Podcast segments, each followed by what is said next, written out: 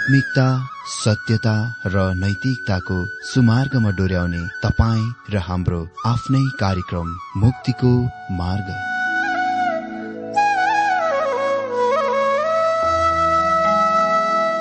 आदरणीय श्रोता यस मुक्तिको मार्ग कार्यक्रममा हार्दिक स्वागत छ। आशा छ यस आत्मिक कार्यक्रमद्वारा जीवनमा आत्मिक आशिष अलौकिक शान्ति र आनन्द प्राप्त गर्नुहुनेछ। र जीवनमा धन्य अनुभव गर्नुहुनेछ। आउनुहोस् श्रोता। मन र आत्माको तयारीको लागि यो मिठो अनि मधुर भजन गीत सुनौ।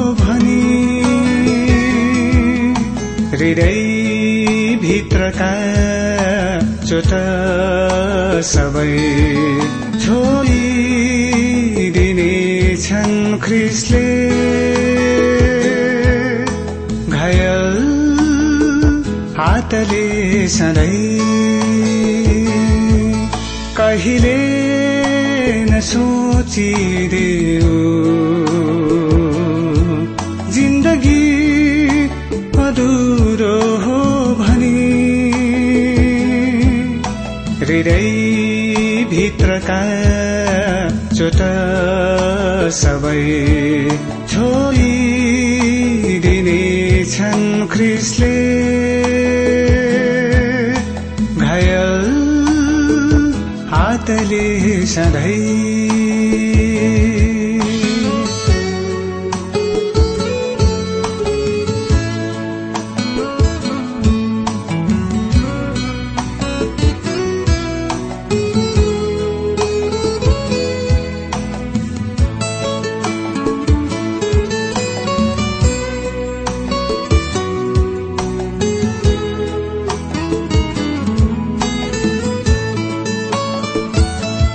कहीँ कतै तिम्रा आकाङ्क्षाहरू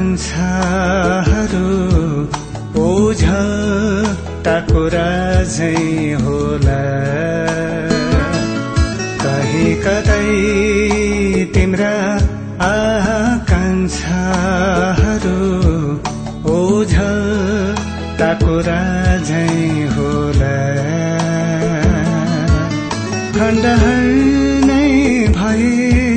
सपना तिम्रा। यही जिन्दगी होला।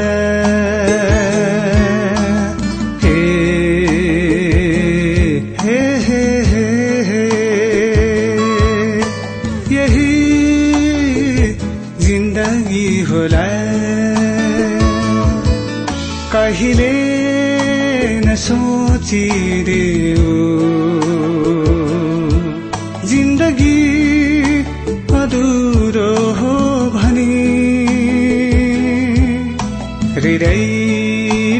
भित्रका चोट सबै छोडिदिने छन् ख्रिसले घायल हातले सधैँ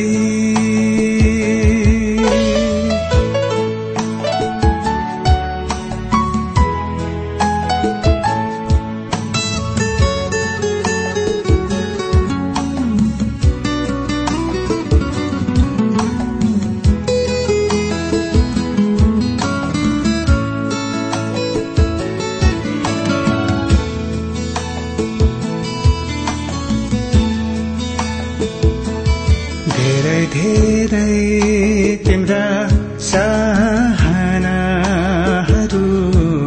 गोधुली सास जस्तै होला। धेरै धेरै तिम्रा चाहनाहरू गोधुली सास जस्तै होला।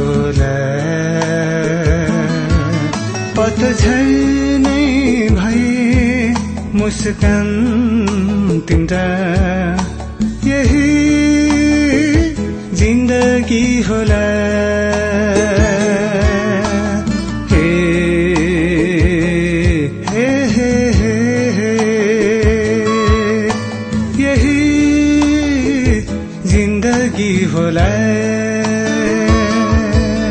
कहिले न सोचिदेऊ।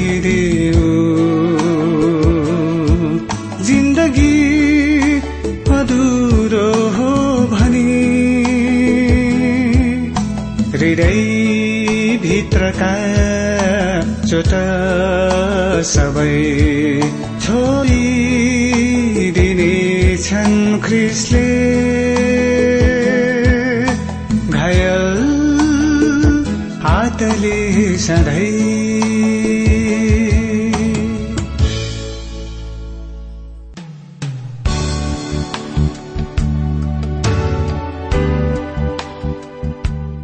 श्रोता यो प्रसारण मार्फत यो अवगत गराउन चाहन्छौ कि प्रभुको सेवाको लागि यहाँहरूको साझेदारी नित्यन्त आवश्यकता छ।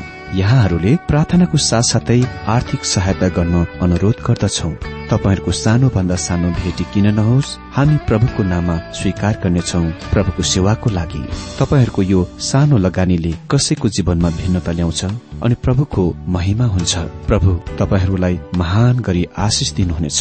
इच्छुक श्रोताहरूले तपाईँको इच्छा भेटी हाम्रो ठेगानामा पठाउन सक्नुहुन्छ जुन ठेगाना हामी कार्यक्रमको अन्तमा दिनेछौ।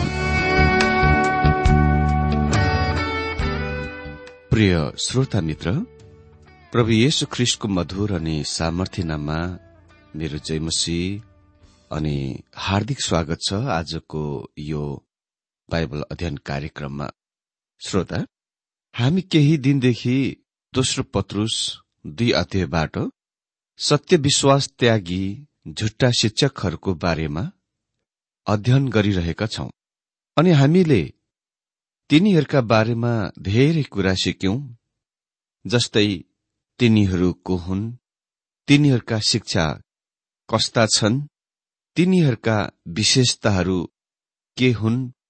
कसरी तिनीहरू मण्डलीमा घुस्दछन् तिनीहरूका वास्तविक लक्ष्य र उद्देश्य के हो? इत्यादि। ती कुराको बारेमा विवरण सहित दोस्रो पत्रुस दुई अध्यय एकदेखि एक्काइस पदसम्मबाट अध्ययन गरिसकेका छौं। आज हामी खालि दोस्रो पत्रुस दुई अध्यायको बाइस पदबाट बाइबल अध्ययन गर्नेछौ। यहाँ हामी पत्रुसले सत्य विश्वास त्याग ल्याउने झुट्टा शिक्षकहरूको बारेमा अति नै खराब संज्ञा दिएर बोल्दछन्। दोस्रो पत्रुस दुई अध्यय बाइस पदमा लेखिएको छ यी सत्य उखान अनुसार नै तिनीहरूलाई यसो भएको छ। कुकुर आफ्नै बान्तामा फर्किआउँछ र नुहाइदिएको सुँगुर हिलैमा लडी बढी खेल्छ। यहाँ हामी देख्छौ पत्रुस यी झुट्टा शिक्षकहरूको सम्बन्धमा बोल्दा कुकुर सुँगुर शब्दको प्रयोग गर्दछन्। यहुदीहरूको निम्ति कुकुर भन्दा निच घटिया कुरा अरू कुनै कुरै थिएन। कुकुर आफ्नै बान्ता वा छादमा फर्की जान्छ। पत्रुसले हितपदेश छब्बीस अध्यायको एघार पदबाट यो कुरा देखाउन उद्धृत गर्छन् कि तिनीहरू कसै गरी निश्चय नै एक दिन न एक दिन आफ्ना सत्य स्वाभाविक अपरिवर्तनीय अवस्थामा फर्किजानेछन् र नुहाइएको सुँगुर फेरि आहाल खेल्न फर्क्यो। अर्थात् नुहाइदिएको सुँगुर हिलैमा लडी बढी खेल्छ। मित्र पत्रुसले नै हामीलाई उडौ सुँगुरको दृष्टान्तको दिन्छ यहाँ। तपाईँले उडौ सुँगुरको दृष्टान्त कहिले पनि सुन्नुभएको छैन होला। तर यसको यहाँ पत्रुस उल्लेख गर्छन्। अनि यो निश्चय नै उडौ पुत्रको दृष्टान्तको आधारमा आधारित छ। उडौ पुत्रको दृष्टान्त एक सबभन्दा महान दृष्टान्त हो जुन येशुले दिनुभएको थियो। यो हामी लुका पन्ध्र अध्यय एघारदेखि तीस पदमा देख्छौ। त्यहाँ कोही कोही छन् जसले भन्छन् तपाईँ उडौ पुत्रको दृष्टान्तबाट सुसमाचार प्रचार गर्न सक्नुहुन्न? अमित्र म तपाईँलाई भनौँ मेरो जीवनमा सबभन्दा पहिले सुसमाचार सभामा जाने मौका मेरो सहरमा आयोजित एक सानो सुसमाचार सभामा थियो। म अगाडि गएँ र घुँडा टेकेर बसे र मैले त्यसको याद गर्न सक्ने कुरा नै त्यस प्रचारक हो जसले उडौ पुत्रको बारेमा प्रचार गरेथे। उसले प्रयोग गरेका वाक्य अलङ्कारहरूको अझै म याद गर्न सक्छु। उसले उडाउ पुत्रलाई तमाम किसिमका पापहरूका स्थानहरूमा लिएर गए। त्यस रात सबै प्रभुका पवित्र जनहरूले विश्वासी जनहरूले त्यस प्रचारकको सन्देशद्वारा अति नै धेरै आशिष प्राप्त गरेका थिए। मलाई विश्वास गर्नुहोस् त्यो अति नै प्रभावकारी सन्देश थियो। मलाई दृढ निश्चय छ कि त्यस रात अरूहरूले उद्धार पाए। तर कसैले पनि सुसमाचारको बारेमा मलाई बताउने समय लिएनन्। मलाई वास्तवमा त्यसको बुझाइएन र त्यसको मैले बुझेको थिइनँ। र मेरो जीवन पछिबाट यो प्रकट भयो कि मैले उधार पाएको थिइनँ। तर मेरो हृदय यसको लागि निश्चय नै खुला भएको थियो। वास्तवमा उडौ पुत्रको कथा उडौ पुत्रको कथाको विषय यो होइन कि कसरी पापी पुत्र बन्दछ तर कसरी पुत्र चाहिँ पापी बन्दछ। अमित्र लुका पन्ध्र अध्यायमा यसको रेकर्ड अति नै सुप्रसिद्ध कथा हो। तपाईँ याद गर्नु भएको होला त्यहाँ एक धनी पिता थिए जससँग दुई छोराहरू थिए। एकजना छोरा कान्छो छोरा चाहिँ आफ्ना अंशका सारा सम्पत्ति लिएर टाढाको देशमा गए। डाक्टर स्ट्रिटर यसलाई सामिप्य पाप भन्दछन्। त्यो अति नै ठूलो शब्द वचन हो। तर यसको अर्थ खालि यही हो नजिकका समीपका कुराहरू त्यति धेरै आकर्षक हुँदैनन् तर टाढाका स्थानसँग प्रलोभन र विमोहन मन्त्रमोहक हुन्छ। यही नै त्यस केटाको दृष्टिकोण थियो। त्यसकारण त्यो केटा टाढा देशमा लागे र त्यहाँ रहन लागे। जबसम्म उसँग प्रशस्त पैसा थियो उसँग धेरै मित्रहरू पनि बने तर तिनीहरूले चाँडै नै उसलाई छोडेर गए कारण उसको पैसा सिद्धियो। अन्तिममा त्यो केटा यति धेरै कंगाल भयो कि उसले एक ठाउँमा कसै गरी सुँगुर चराउने हेर्ने नोकरी पायो। जब प्रभुले त्यसको उल्लेख गर्नुभयो दुवै फरिसीहरू सदुकीहरू हच्के वा झस्के किनभने यहुदी केटा त्योभन्दा निस्तामा गिर्न सक्ने कुनै ठाउँ नै थिएन। उनी सबभन्दा निस्तामा गिरे। भावमा भन्नुपर्दा उनी नसालु दबाई मद्यपान सेवामा लिप्त भए। यौन क्रियाका अनैतिकतामा र सबै प्रकारका पापहरूमा फसे। अनि यो केटा अहिले सुँगुरको खोरमा अन्त्यमा आइपुगे। फेरि यस कुराको बुझौं कि यस दृष्टान्तको शिक्षाको प्राथमिक अर्थ के हो भन्ने कुरामा। यसले यो देखाइरहेको छैन कि कसरी पापीले उद्धार पाउँदछ तर यसले त्यो पिताको हृदयको प्रकट गर्दछ जसले खालि पापीलाई मात्र उद्धार गर्नुहुन्न तर त्यस पुत्रलाई वापस पनि लिनुहुनेछ जसले पाप गर्दछ। कसैले स्वर्गीय डाक्टर हेरी रिमर्स उन्नाइसौं शताब्दीका एक महान प्रचारक थिए। यो प्रश्न सोधेथे मानिलिउ त्यो उडौ पुत्र सुँगुरको खोरमा नै मरेका भए तब के हुने थियो? डाक्टर रिमर्टले भने अ यदि उनी सुँगुरको खोरमै मरेका भए त्यहाँ एक कुरा निश्चय वा पक्का थियो उनी मृत मरेको सुँगुर हुने थिएनन्। उनी पुत्र थिए जब घर छोडेथे र उनी पुत्र थिए जब उनी टाढाको देशमा रहिरहेका थिए। उनी पुत्र थिए जब उनी पापमा रहिरहेका थिए अनि उनी पुत्र थिए जब उनी सुँगुरको खोरमा परेका थिए किनभने उहाँ पुत्र हुनुभएकोले गर्दा उसले एक दिन यो कथन बनाए। यो भने त्यस्तो कथन कुनै पनि सुँगुरले कहिले पनि बनाएको छैन बताएको छैन बताउन सक्दैनथे पुत्रले भने मेरो पिता चाहिँ त्यस ठूलो घरमा बस्नुहुन्छ। उहाँसँग म भन्दा राम्रो अवस्थामा हुने नोकरहरू छन्। म उहाँको पुत्र हुँ तर म चाहिँ यहाँ सुँगुरहरूसँग रहिरहेको छु। म अहिले उठेर मेरो पिताको घरमा जानेछु। कुनै पनि सुँगुरहरूले त्यसो कहिले पनि भन्न सकेनन्। अहिले पिता त्यस केटासँग के गर्न गइरहेका छन्? जब उनी आफ्ना घरमा फर्की आउँछन् त मोसाको व्यवस्था अनुसार त्यस केटालाई ढुङ्गाले हानेर मार्नुपर्ने थियो। व्यवस्था एक्काइस अध्यायको अठारदेखि एक्काइस पद अनुसार तर उसलाई ढुङ्गाले हानेर मारिएन। त्यो पुत्र आफ्नो घरमा गएर यो प्रस्ताव बनाए पिता मैले तपाईँको विरूद्ध र स्वर्गीयको विरूद्ध पाप गरेको छु तर उसको पिताले उसलाई इन्कार गर्दैन।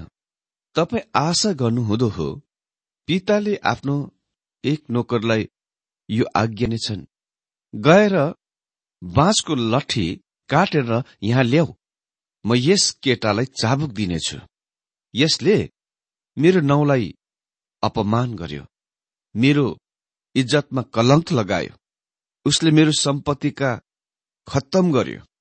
उसले आफ्ना समयको पनि बर्बाद गर्यो। त्यो पापमा र पापमय कुराहरूमा फसेर आएको छ र म उसलाई ठिक गर्नेछु अहिले। तर पिताले त्यस्तो कुनै कुरै गरेनन्। त्यस केटाले कोर्रा जति पाउनु पर्ने थियो त्यो टाढाको देशमा पाइसकेका थिए। कोर्राको पीड़ा भन्दा अझ कठोर पीड़ाको उसले त्यहाँ सामना गर्नु परेको थियो। अनुभव गर्नु परेको थियो। सम्पूर्ण उडौ पुत्रहरूले त्यस प्रकारका कुर्रा पाउँछन् जब तिनीहरू घरबाट भौतारेर टाढा जान्छन्। जब तिनीहरू स्वर्गीय पिता कहाँ वापस फर्की आउँदछन् त्यहाँ सधैँ भोज वस्त्र र औठी हुन्छ र तिनीहरू हर्ष उल्लास र खुसी गर्न लागे। आनन्द हर्ष पिताको घरमा थियो। र सुँगुरको खोरमा त्यो कहिले पनि थिएन। अहिले चाखलाग्दो कुरा यो छ पत्रुस भन्छन् नुहाएको सुँगुर फेरि आहाल खेल्न फर्कियो। नुहाइदिएको सुँगुर हिलैमा लडी बढी खेल्छ। अहिले हामी उडौ पुत्रको दृष्टान्तमा केही कुरा थप्न सक्छौ। खोरका एउटा सानो सुँगुरले उडौ पुत्रलाई भने तपाईँ भन्नुहुन्छ कि यो हिलो यो किचड र आहाल सहितको सुन्दर खोरलाई छोड्न चाहनुहुन्छ र आफ्नो पिताको घरमा जान चाहनुहुन्छ। यो निश्चय नै असल कुरा सुनै पर्दछ। मलाई लाग्छ म पनि तपाईँसँग त्यहाँ जाउँ र त्यसको म आफैले पनि अनुभव गरौं कोसिस गरौं। त्यसकारण उडौ पुत्रले उसलाई भने यदि तिमी मसँग त्यहाँ जान्छौ भने पिताको घरमा जान्छौ भने हरेक कुरा भिन्नै अलग हुनुपर्छ। तिमी सफा सुगर रहनुपर्नेछ चिटिक्क पर्नुपर्नेछ। जब तिनीहरू पिताको घरमा गए पिताले आफ्नो अंगालोमा त्यस पुत्रलाई बाँधे र भने कपडा यहाँ ल्याऊ। वास्तवमा उसले सुँगुरको खोरमा हुँदाखेरि हुँदादेखि नै लगाएका कपडाहरूको र फोहोर मैलाको दुर्गन्धको सुग्न सके पिताले जब उसलाई अङ्कमाल गरे अङ्गालोमा बाँधे अनि दुर्गन्धको थाहा पाउन सके र पिताको भनाइको वास्तविक तात्पर्य थियो उसलाई राम्ररी नुहाइदेऊ र त्यसपछि उसलाई नयाँ कपडा लगाइदेऊ। सानो सुँगुर उडौ पुत्रसँग गए र उसलाई पनि राम्ररी नुहाई धुवाई गरिए। ती नोकरहरूले त्यस सुँगुरलाई राम्ररी नुहाइदिए सफा सुगर गरिदिए र उसको गलामा सुन्दर गुलाबी रेबन बाँधिदिए।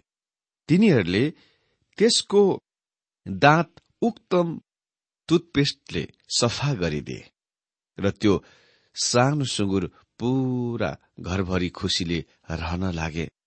तर केही दिनपछि त्यस सानो सुँगुरले ओडौ पुत्रलाई भने ओडौ पुत्र मलाई यहाँ बस्न मन लाग्दैन। बोर हुन लाग्यो। ओडौ पुत्रले भने जबदेखि म यहाँ पिताको घरमा आएको छु मलाई जीवनमा अति नै धेरै आनन्द र मोज मजाको अनुभव गरिरहेको छु। तिमीलाई यहाँ रहन कति पनि मन पर्दैन बोर लागिरहेको छ। ओहो कस्तो गलत कुरा सानो सुँगुरले उत्तर दिए। मलाई यो विचारको मन पर्दैन। उक्तम विस्ताराको सेतो च्यादरमा सुत्ने। मलाई यो मन पर्दैन। यदि मैले हिलो किचडको स्थान पाउन सके म त्यहाँ नै खुसी छु। म त्यहाँ नै राम्ररी सुत्न सक्थे ओडो पुत्रले भने। हामी पिताको घरमा त्यो गर्न कति पनि सक्दैनौ। सानो सुँगुर तिमी कति पनि यहाँ सुँगुरको खोरमा रहन सक्दैनौ।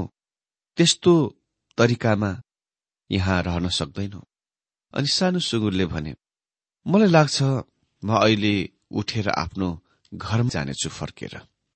र त्यो आफ्नो घरमा फर्की गयो उसलाई सफा सुगर गरिएका थिए र त्यो आफ्नो खोरमा फेरि गयो। आहालमा हिलोमा खेल्न फर्क्यो। तपाईँलाई थाहा छ किन? किनभने त्यो सुँगुर सुँगुर नै हो। सुँगुर आफ्नै खोरमा रहन मन पराउँछ र आफ्नै खोरमा फर्केर जान्छ र आहालमा खेल्न मन पराउँछ। मित्र परमेश्वरका जनहरू कहिलेकाहीँ पाप रूपी खोरमा पर्न सक्छन् तर परमेश्वरको जन त्यहाँ सधैँ रहन कति पनि मन पराउँदैन। त्यहाँ रहनमा उसलाई आनन्द हुँदैन किनकि उनी परमेश्वरको सन्तान हुन्। उसँग उहाँको स्वभाव छ र ऊ आफ्नो पिता कहाँ वापस फर्कन चाहन्छ र पुनः संगतिमा र सम्बन्धमा संगम हुन चाहन्छ। तर सुँगुर कहिले पनि पिताको घरमा सधैँको निम्ति रहन मन पराउँदैन। पिताको घरको वातावरण उसलाई मन पर्दैन। यो उसको स्वभावको ठिक विपरीतको कुरा हो। र त्यो कुनै न कुनै दिन आफ्नो पहिलो मौलिक स्थानमा ओरिजिनल स्थानमा फर्किआउँछ। र त्यहाँ नै रहनमा उसलाई आनन्द लाग्दछ। श्रोता यहाँ पत्रुस्ती सत्य विश्वास त्यागी झुट्टा शिक्षकहरूको यो कस्तो तस्विर दिन्छन् यहाँ? म यो भन्न आँट गर्दछु कि तिनीहरू वास्तवमा नयाँ जन्म पाएका उद्धार पाएका जनहरू कहिले थिएनन्। तिनीहरूको विश्वास कति पनि कहिल्यै सत्य थिएन। तिनीहरू खालि बाहिर दृष्टिमा त्यो प्रदर्शन गर्दछन् कि तिनीहरू नयाँ जन्म पाएका उद्धार पाएका र सत्य विश्वासमा हुने व्यक्तिहरू हुन्। तर वास्तविकता चाहिँ अर्को कुनै कुरा हुन्छ। तिनीहरूले एक दिन न एक दिन आफ्नो खास स्वभावको देखाउनेछन्। ओह यो कति सत्य कुरा छ। पद पढिदिन्छु बाइसलाई एकपल्ट। यो सत्य उखान अनुसार नै तिनीहरूलाई यसो भएको छ।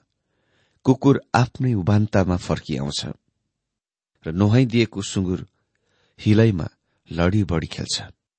परमेश्वर आजको यो बाइबल अध्ययनद्वारा हरेकलाई आशिष दिनुभएको होस्।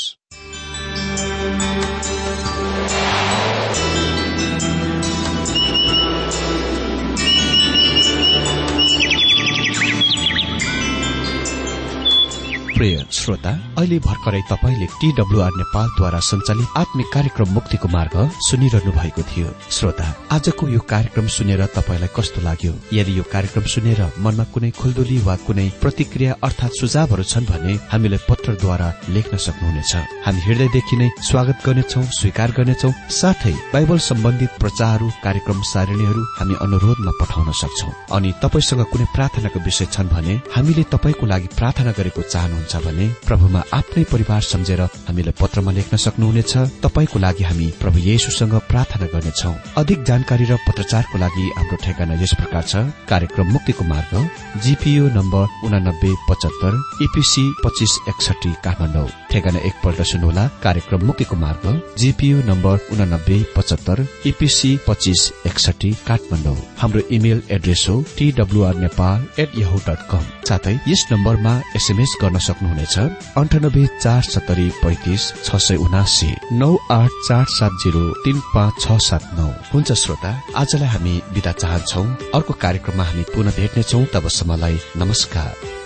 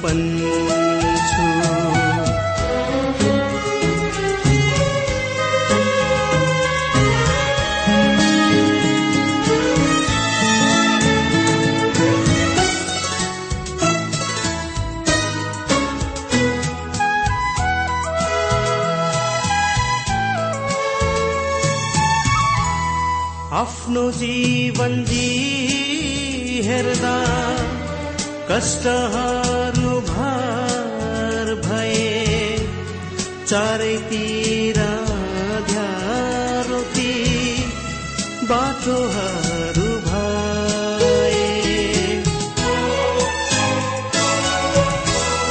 आफ्नो जीवन जी हेर्दा कष्टहरू चारैतिर ध्यारोती बाटोहरू भए। सुन्छु तिम्रो छेउ हुँदा शान्तिको वास छ। अशान्तिले थिच्यो प्रभु देवबास तिम्रो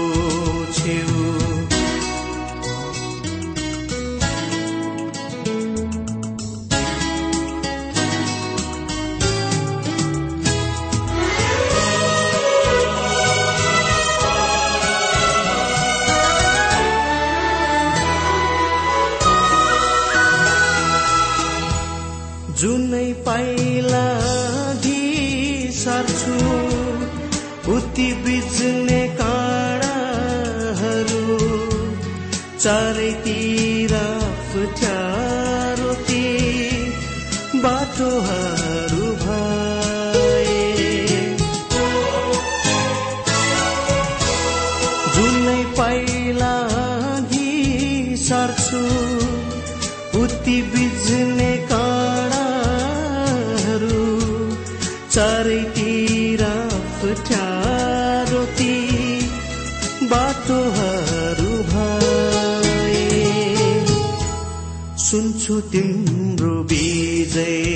गाथा अपछ करुणा।